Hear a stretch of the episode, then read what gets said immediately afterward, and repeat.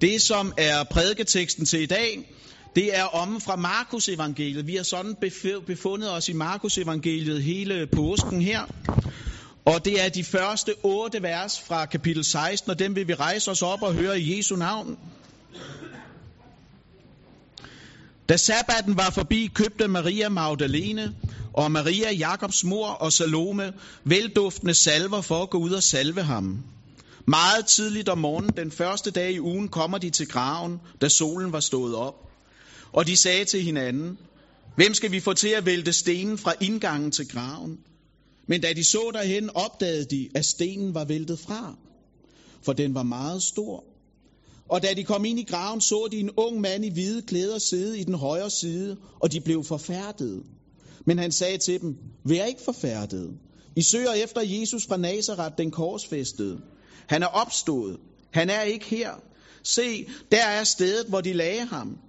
Men gå hen og sig til hans disciple og til Peter, at han går i forvejen til jer, eller for jer til Galilea. Der skal I se ham, som han har sagt jer det. Og de gik ud og flygtede fra graven, for de var rystede og ude af sig selv. Og de sagde ikke noget til nogen, for de var bange. Amen. Det er Guds ord. Værsgo at sidde ned. Se, øh, nu ved jeg ikke, hvor mange af jer herinde, der holder weekendavisen. Om det er en avis, som I kender og eventuelt læser. Hvor mange herinde holder weekendavisen? Det var så, det var så en. Ja. Nå, men hvis I holdt weekendavisen, ikke også? Så ville I på bagsiden af den her uges udgave have læst den her artikel af Lone Frank, som er videnskabsjournalist og evolutionær biolog, hvor hun øh, fuldstændig afviser opstandelsen. Det var ikke ved af overskriften. Hun afviser opstandelsen som en mulighed. Hun siger, at vi skal holde op med at tro på usynlige venner, og lade alene basere vores tro på viden og på videnskaben. For det er det eneste, der kan give os fast grund under fødderne. Det er det eneste, vi som mennesker har at læne os op af. Og hun synes alt talt, det er på tide, at vi indser det. Og det gode spørgsmål sådan på påskedag, det er jo så, hvad siger vi til det? Hvad er kirkens svar til sådan en udfordring, som hun rejser for os? Fordi der er jo noget, der er nødt til at være tomt i dag. Det er ikke en mulighed, at der ikke er noget, der ikke er tomt. For enten så er Jesu grav tom, eller også så er det vores tro, som er det. Det er muligt, det er ting, der udelukker hinanden gensidigt. Enten er graven trom, eller også er vores tro det. Fordi hvis opstandelsen ikke har fundet sted, hvis vi sidder her og lyver for hinanden og bilder os noget ind, så er vores tro forgæves. Så kan det godt være, at vi lige nu sidder og har det hyggeligt, og vi er jo et meget varmt fællesskab i dag, kan man godt mærke sådan, ikke også? Men det er jo også organiseret tidsspilde. Det er jo spild af tid. Så derfor vil jeg gerne sige noget om i dag. Hvad er det, Bibelen siger om det her?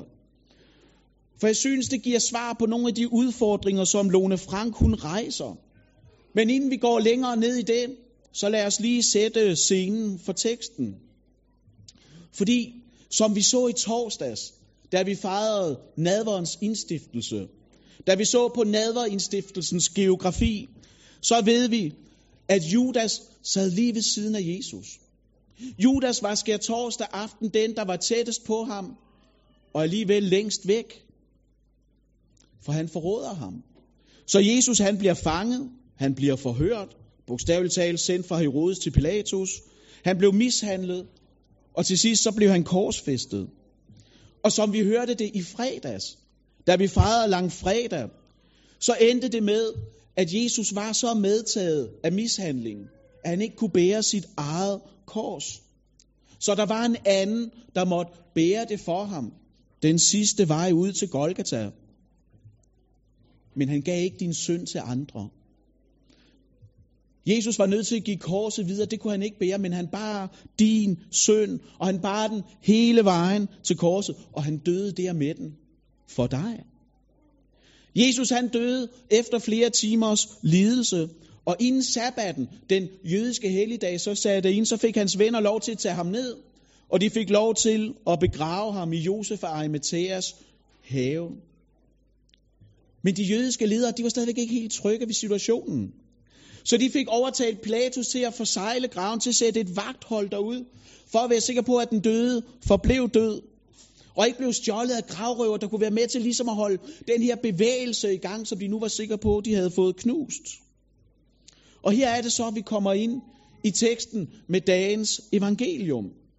Og inden vi ser på, hvad de her kvinder egentlig så og oplevede, så lad os lige kort se på, hvad er det opstandelsen egentlig betyder. For sagen var, at på Jesu tid, der var der masser af messianske bevægelser på Jesu tid.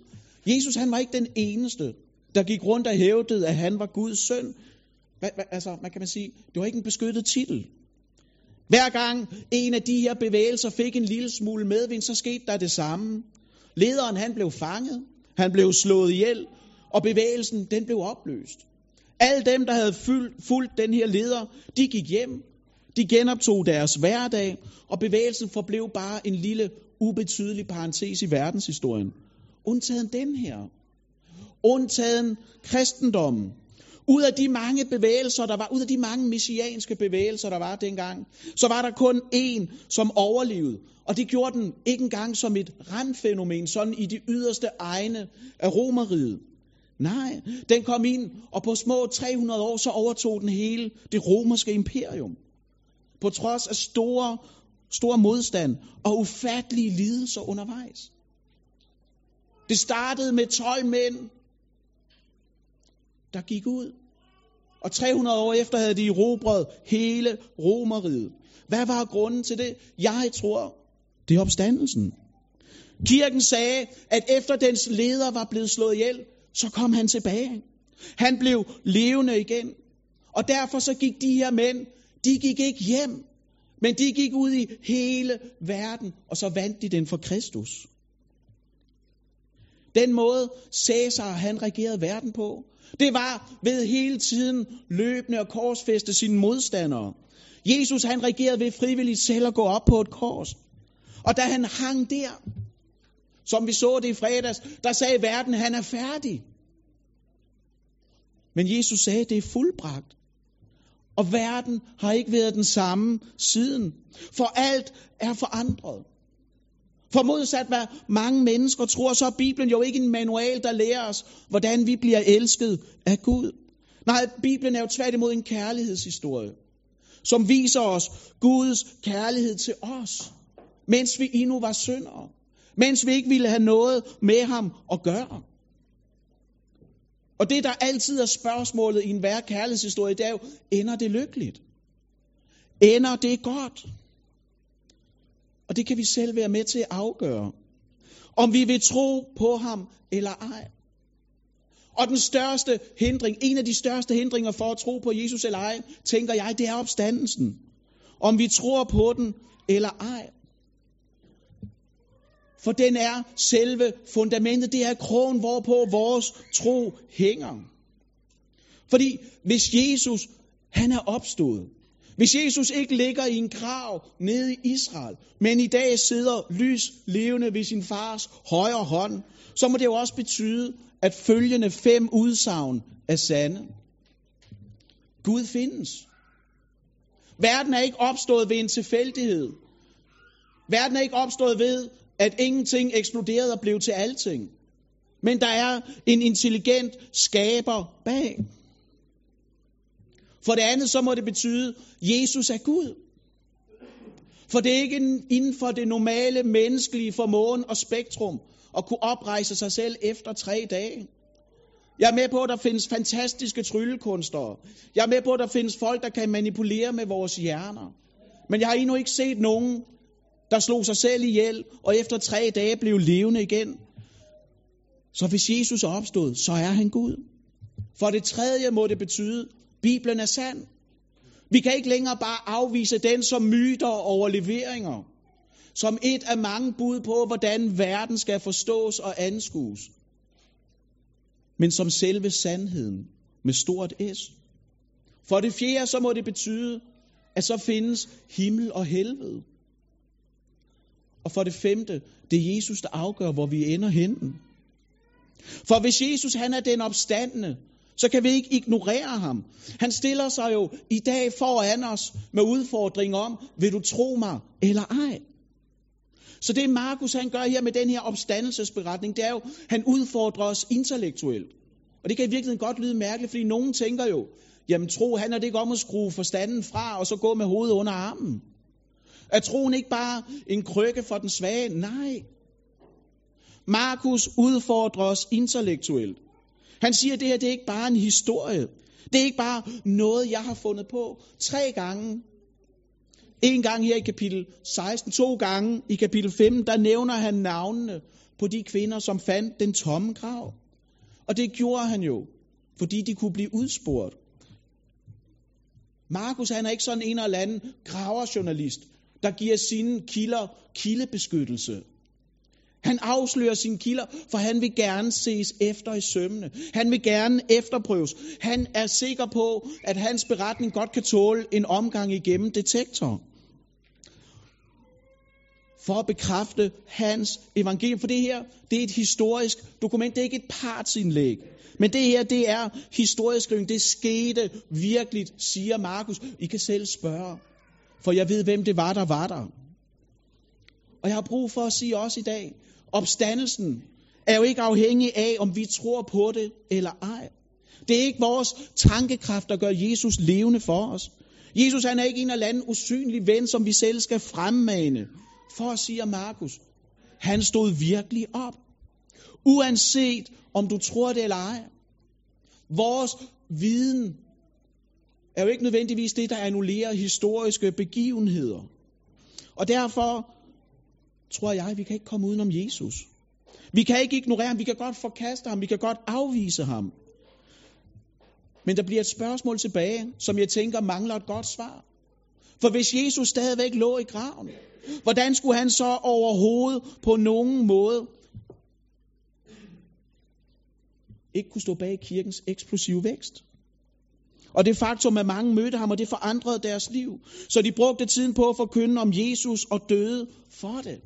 Hvordan kunne det være, at kirken voksede så eksplosivt? Min tanke er jo, at de mødte Jesus. Det er det, Bibelen hævder. At han ikke forblev død, men stod op og blev levende igen.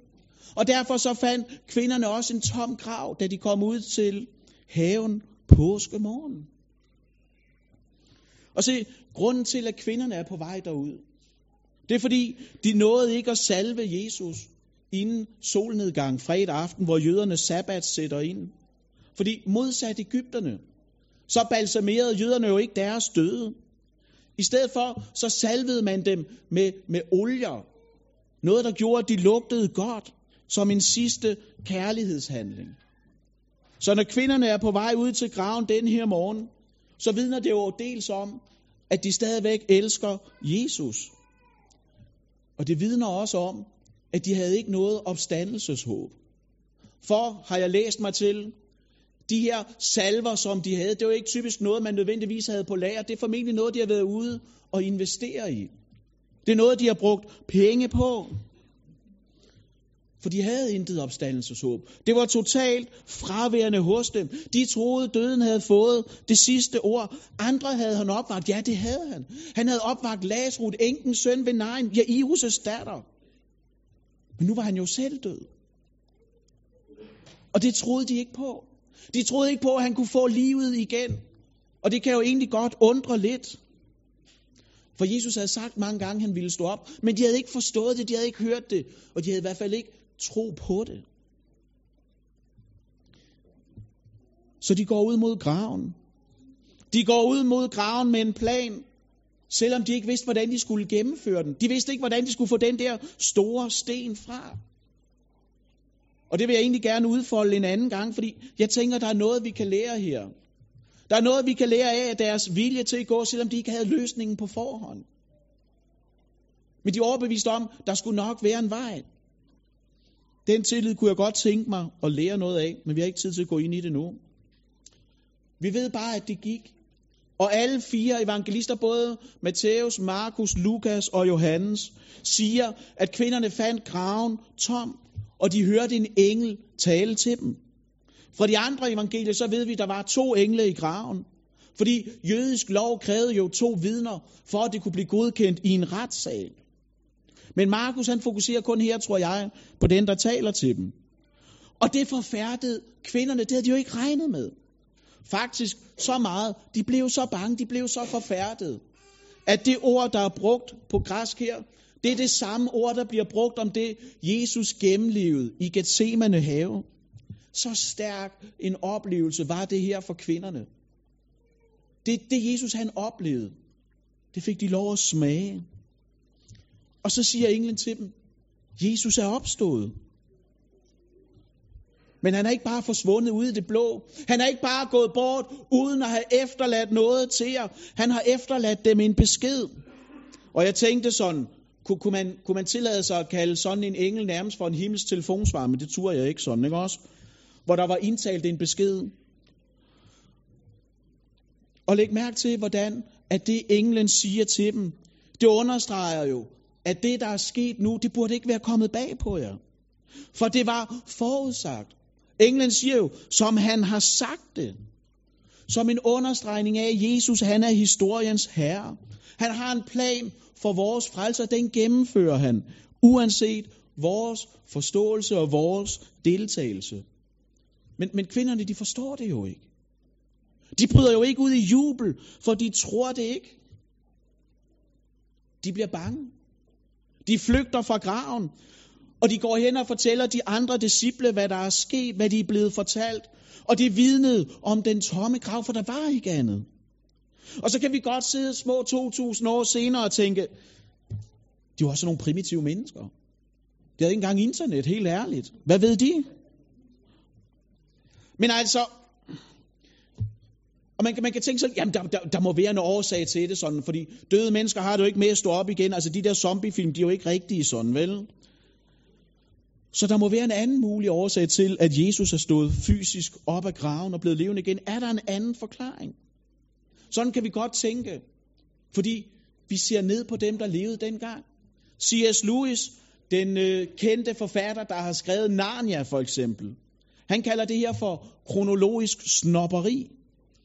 Kort fortalt så handler det om, at vi altid føler os klogere end dem, der levede før os. Vi tænker, dem, der levede i middelalderen, ah, de var godt nok primitive. Nogle gange kan man jo tænke det om sine egne forældre sådan, ikke også?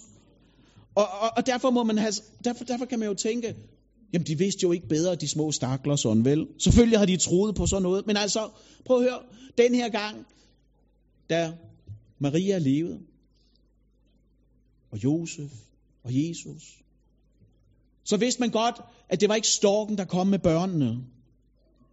Og man vidste også godt, at de døde forblev døde. Så for dem var det jo lige så vanskeligt at tro på, som det er for os. Og det store spørgsmål, hvorfor endte de så med at tro alligevel? Fordi de lod sig overbevise argumenterne. Beviserne overbeviste dem. De så Jesus, de hørte ham. Deres verdensbillede ændrede sig af at have mødt den opstandende. Og så kan vi godt holde det ud i strakt arm og sige, det tror vi ikke på. Men vores tro afgør jo ikke, om det skete eller ej.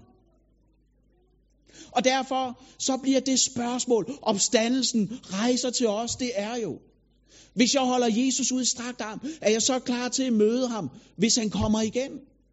Så jeg satse min evighed på, at Jesus er død og forblev død. For hvis han gjorde det, så har jeg jo ikke noget at frygte på den yderste dag. Men hvis han nu stod op og lever i dag, så kan jeg ikke undgå ham. For så taler Bibelen sand, og Bibelen siger, en dag vil Jesus komme igen. Og jeg er så klar til at møde ham der. Så når vi fejrer Guds tjeneste i dag, så gør vi det jo, fordi vi tror, at Jesus er opstået. Døden fik ikke det sidste ord ind i hans liv, og derfor vil den heller ikke få det ind i vores. Og derfor så vil vi ikke leve og handle, som om Jesus stadigvæk lå i graven, for det gør han ikke. For lang fredag, det er, ja, det er en vigtig dag. Det var på mange måder en god dag, selvom det kan lyde voldsomt. Men det er det ikke uden det tomme kors og uden den tomme grav. For det, som frelser os, det er det tomme kors, og det er den tomme grav. Vores håb det er jo ikke at undgå døden, fordi hvem undgår den? Det er der ingen, der gør. indtil den dag Jesus kommer igen. Men vores håb, det er ikke længere bare at dø og så håbe på at komme i himlen. Det handler vores håb ikke om. Vores håb handler om kødets opstandelse. At vi som Jesus en dag skal stå fysisk op til evigt liv og leve sammen med Jesus på den nye jord. Og derfor er det, som englen siger, så enormt vigtigt. Fordi englen inviterer jo ikke kvinderne med i en eller anden form for mystisk, ekstatisk oplevelse. Men den viser dem, graven er tom.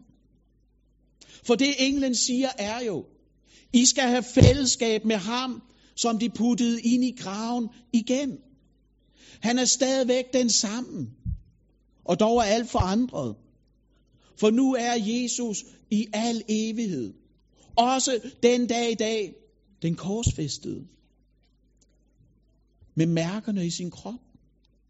Og det er i al sin enkelhed evangeliet, fællesskabet med den korsfæstede. Og der hvor det første gang blev prædiket, det var i den tomme grav. For Jesus blev levende.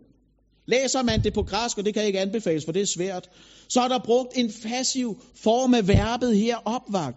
Hvilket betyder, at Jesus han blev opvagt. Underforstået en anden har opvagt ham, og det gjorde Gud, for Gud er den, der alene kan skabe liv, hvor der ikke er noget. Når Jesus gik ud af graven påskemorgen, så skyldes det alene Gud. For det offer, Jesus bragte langfredag, det var nok. Det stillede Guds vrede over synden. Der mangler ikke mere. Verden troede, at Jesus han var færdig, men Jesus sagde, det er fuldbragt, og Gud sagde, amen. Det er sandt. Og derfor er Jesus for altid nu den korsfæstede. Det er en del af hans identitet, og det betyder, at han er altid frelser. Mærkerne i hans hænder viser os, at der er ingen håbløse tilfælde. Alle har en chance hos Jesus, for hos ham er der tilgivelse for alt. Hvilket jo understreges af, at Peter får en særlig hilsen fra Jesus den her morgen. For det havde Peter brug for. Han, som var stor i egne øjne, havde vist sig ikke at kunne leve op til sine egne forventninger. Han havde svigtet, og derfor så får han en særlig indbydelse den her dag. For ellers havde han ikke troet, det galt ham. Ikke efter det, som han havde gjort, ikke efter det, som han havde sagt. For han følte sig ikke længere værdig. Og det ved Jesus, og derfor får han en særlig hilsen, hvor han siger til Peter, kom, det gælder også dig. Du er ikke udenfor. Jeg vil dig stadigvæk. Jeg går forud og foran jer til Galilea, og du, Peter, du skal være med. Peter var jo ikke den eneste af disciplene, som svigtede. Men han var den, der svigtede mest. Og derfor endte han også med at være leder af flokken. Og jeg tror, årsagen til det er lige her. Fordi hans fald var det største, så vil hans anger også være, at han havde smagt mest af nåden. Fordi han var den største synder. Det vidste han bare ikke selv den her morgen. Fordi det eneste, han oplevede og følte, det var svigt, og det var nederlag. For religion tror jo, at vi frelses ved egen styrke. Jeg frelses, hvis jeg er god nok. Hvis jeg er moralsk og åndelig stærk. Fordi man er overbevist om, at jeg er alene frelst til det niveau, hvor jeg er stærk, hvor jeg lever op til idealerne, hvor jeg kan opnå standarderne. Men, siger den tomme grav, vi frelses ikke af gerninger, men af nåden alene. Vi frelses ikke af vores egen styrke, men ved at Jesus døde for os på korset uden synlig styrke. Og derfor så frelser Jesus kun syndere. Kun dem, som har indset og ved, at de mangler en frelser. Fordi deres egen vilje og deres egen styrke, det er ikke nok. For alt, hvad jeg bidrager med til min frelse, det er den synd, jeg skal frelses fra, og ikke andet. Og det udfordrer os. For vi vil ikke indrømme, at vi er svage, og derfor gør vi alt for ikke at gøre det. Vi finder på undskyldninger, arv og miljø, forældre, og vi giver andre skylden for en masse ting. Fordi det fritager os fra at angre. For vi er så bange for at havne der, hvor, hvor, hvor vi må give op. Og sige, jeg kan ikke. Hvor man er nødt til at råbe til Jesus om at hjælpe. Fordi jeg ikke kan selv. Og jeg har tænkt noget på sådan Hvad skal jeg sammenligne det med? Og ville frelse sig selv, det svarer for mig at se til at give sultne mennesker en kogebog. Det hjælper jo intet. Så derfor siger Jesus til Peter den her morgen, kom, det er ikke for sent, og du er ikke for langt ude. For Jesus han siger jo ikke tingene sådan, som vi gør. Når nogen svigter os, og det kommer jo til at ske på syndefaldets jord, at nogen svigter og sårer os, så siger vi jo tit, at kun og hvis du angrer, så vil jeg måske tilgive dig. Men Jesus han gør jo det helt modsat her. Jesus han siger ikke, jeg elsker dig proportionalt med din anger. Nej, Jesus siger her, det er, jeg elsker dig og tilgiver dig, sådan at du kan komme til mig og angre. Min kærlighed begynder før din anger. Min tilgivelse er selve grundlaget for din anger. Og så har jeg tænkt over, måske er der nogen, der er her i dag, der har brug for, ligesom Peter, at få en særlig hilsen. Fordi de ellers ikke tror, at evangeliet er til dem. Som ved, at de har svigtet Jesus. Som har vendt ham ryggen eller overgivet sig til sine egne idealer, overgivet sig til synden. Og som måske derfor har brug for at høre den her dag, at Jesus vil møde dig, ligesom han mødte Peter. Med tilgivelse og genoprettelse. Peter han var knust, fordi han troede, han var forbi tilgivelsens punkt.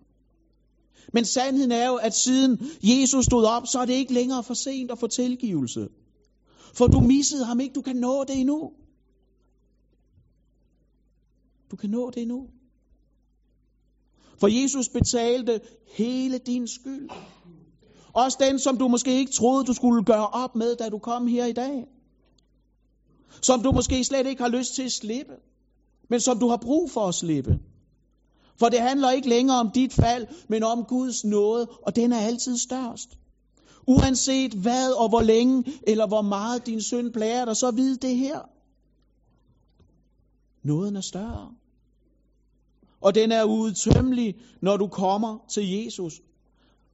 Fordi hos ham, hos Jesus, der er der ikke kun tilgivelse for fortidens synder, dem du har lagt bag dig. Men der er også tilgivelse for den synd, som du har nu, og den du vil gøre i morgen. Der er tilgivelse. Og hvis du ikke tror mig, så kom lige om lidt til nadver og smag, at Herren er god og tilgivende. Det er ikke for sent i dag. Så hør og tro og tag imod. Og stil det her spørgsmål til dig selv. De ting, jeg lever for i dag, var det værd, at Jesus døde for dem? Opstandelsen viser os jo, at Gud elsker verden. Alle andre religioner handler om at undslippe verden og komme fri fra den. Det er helt omvendt her. For opstandelsen viser os, at Gud vil ikke kun frelse vores sjæle, men også vores kroppe. For vi tror på kødets opstandelse. Vi tror på, at Gud i evigheden vil genoprette alt. Giv os det tilbage, som vi har mistet. Og mest af alt giver sig selv. Så når kirken voksede eksplosivt efter den her dag, så var det fordi disciplene så ham, de rørte ham. Og det betyder, at Guds rige er brudt igennem. Og en dag kommer han igen. Og der gør han alt det brudte i den her verden helt igen. For han er ikke død. Han er ikke længere begravet, for han stod op og lever, og, du skal gøre, og han vil, at du skal gøre det samme med ham. Og derfor siger han i dag, kom og vær sammen med mig i evighed. Det er ikke for sent, og du er ikke for langt væk. Lad os bede sammen. Kære Jesus, jeg beder dig sådan om, at du må komme og stille dig foran hver enkelt af os, der er her, så vi ikke kan komme uden om dig. Og mind os om, her, det er ikke for sent, og vi er ikke for langt væk. Amen.